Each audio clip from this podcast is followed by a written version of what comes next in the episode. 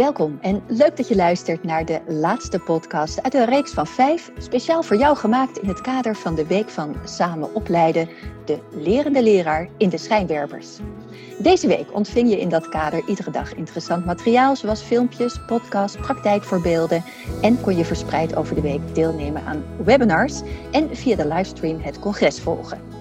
Nou, een week die vandaag feestelijk wordt afgesloten met het theatercollege Schaamteloos Leven en Werken van Aukje Nauta. Mijn naam is Marceline Schopman en ook vandaag leg ik weer kort en krachtig een aantal vragen voor aan een deskundige uit de onderwijswereld met betrekking tot dat samen opleiden. Bestuurders van het VO, PO, Vereniging Hogescholen en de VSNU kwamen de afgelopen dagen reeds aan het woord daarover. En vandaag geef ik graag het woord aan Frank van Hout. Hij is bestuurder bij de MBO-raad, de brancheorganisatie van de scholen in het middelbaar beroepsonderwijs en de volwasseneneducatie. Frank studeerde zelf ooit Nederlands en gezondheidskunde in Tilburg. Hij is altijd al betrokken geweest bij het onderwijs, als leraar, als leidinggevende, als trainer als consultant. En altijd met een mooie warme plek in het hart voor jongeren die iets extra's vragen, met name in het beroepsonderwijs. Hij werkt nu als lid van het college van bestuur van het Friesland College en was tot voor kort waarnemend voorzitter van de MBO-raad, tot hij op 1 juli de voorzittershamer door mocht geven aan Adnan Tekin. Hij gooit graag een balletje op, figuurlijk, maar ook letterlijk als bevlogen voorzitter van de volleybalvereniging in Heerenveen. Welkom Frank van Hout. Goeiedag.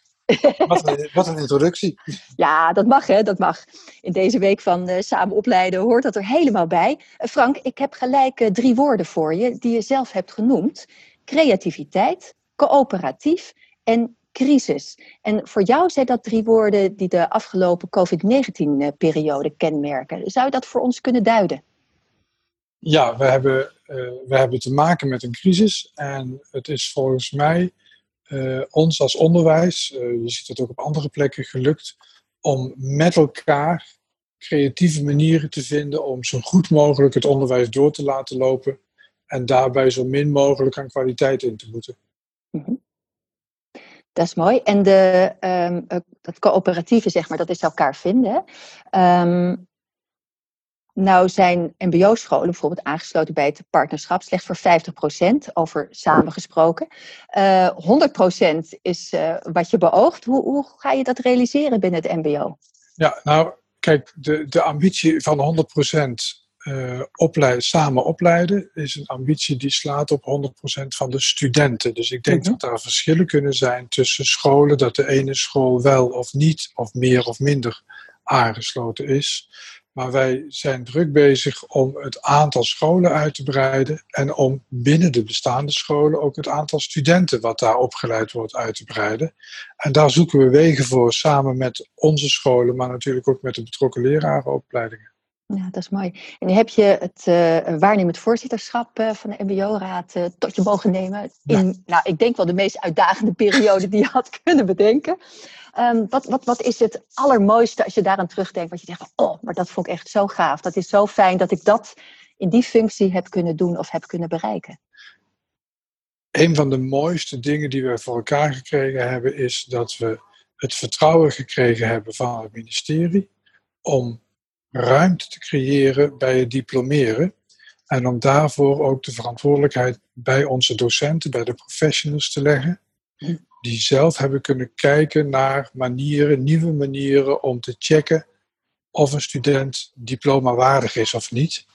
En door die ruimte is het gelukt om het overgrote deel van de studenten die af wilden studeren afgelopen schooljaar ook daadwerkelijk af te laten studeren. Dat is mooi. En ook op een aanvaardbaar niveau. Die kwaliteit ja, juist, is dan heel juist, belangrijk. Hè? Juist met behoud van kwaliteit, absoluut. Ja, ja mooi is dat. Uh, welke effect heeft deze periode gehad verder op het samen opleiden in het MBO? Of is er verder niet zoveel anders gebeurd? Ja, het, kijk, het, het, lesgeven is heel snel heel anders geworden, want we gingen allemaal vanuit huis lesgeven. -huh. En dat heeft natuurlijk ook zijn impact op uh, samen opleiden, omdat je de studenten die normaal gesproken bij je op school komen om uh, mee les te geven en om daarin samen op te trekken en om het kuntje af te kijken, om het zo maar even te zeggen. Ja. Uh, die studenten die moesten dat plotseling van thuis uit doen.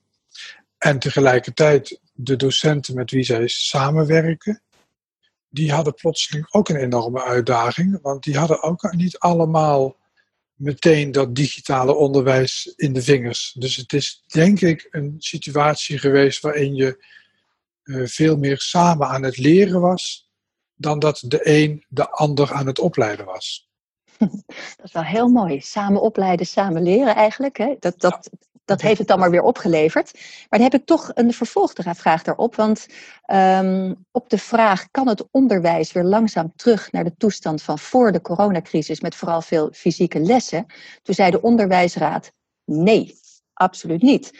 En in een advies aan het kabinet hebben ze ook gezegd: we moeten ons voorbereiden op een toekomst vol beeldschermlessen.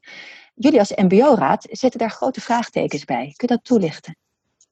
Ja, zit hem uh, op twee punten vooral. Het ene is dat wij zien dat onze studenten behoefte hebben aan de, de, de echte ontmoeting met elkaar, maar ook met hun docenten. Dus dat het effect van het, het leereffect is echt groter op het moment dat je echt bij elkaar bent. En dat is zeker in het MBO het geval, omdat wij natuurlijk uh, veel minder vanuit de theorie leren en veel meer vanuit de praktijk. En dat gaat niet alleen maar om de praktijk in praktijklokalen, maar het gaat ook om hoe leer je de didactiek die gebruikt wordt. Die is toch veel meer gebaseerd op vaardigheden, op dingen samen doen. Nou ja, dat zijn allemaal zaken die heel erg belemmerd worden door dat online onderwijs. Dus ik heb zelf het idee dat de toekomst eruit ziet van behoorlijk wat fysiek, maar dat we tegelijkertijd uh, wel degelijk daaromheen een, mhm. een schil zullen behouden zeg maar, van online activiteiten maar wel in die verhouding tot elkaar. Ja, precies. En daarmee kan je dan ook die kwaliteit blijven borgen. Ja, absoluut. Ja, want we zien ook wel dat sommige dingen, en voor sommige studenten, juist dat online onderwijs heel goed werkt. Die kunnen zich beter focussen, die kunnen dingen makkelijker tot zich nemen. Maar je ziet daar grote verschillen in, dus we zullen ook met die verschillen om moeten gaan helder.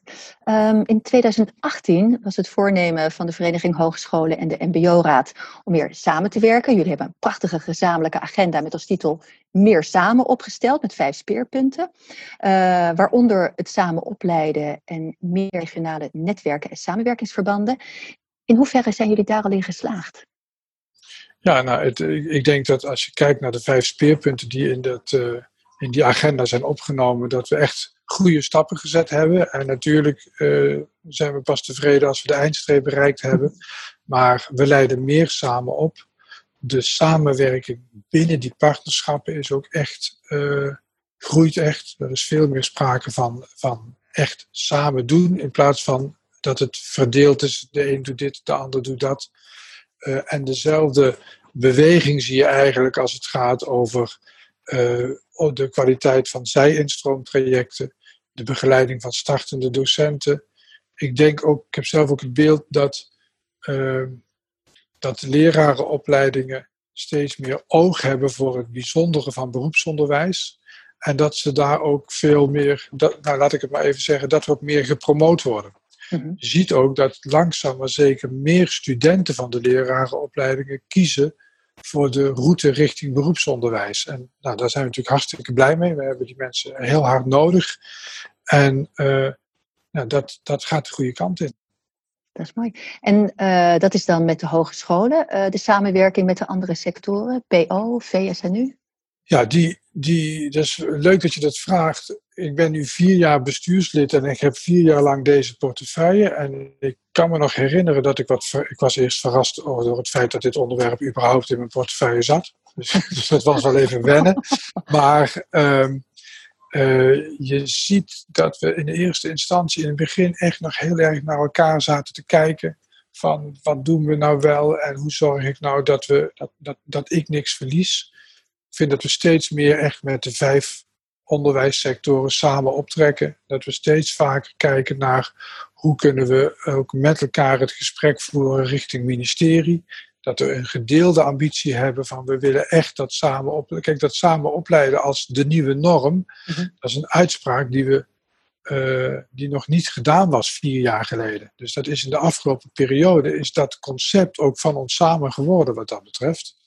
En ik denk dat dat heel goed is omdat we op die manier ook in de regio's veel meer dingen samen op kunnen pakken. En dat zie je nu ook wel, doordat bijvoorbeeld een aantal MBO-scholen partnerschappen met het lerarenopleiding hebben, waar ook het voortgezet onderwijs bij aangehaakt is.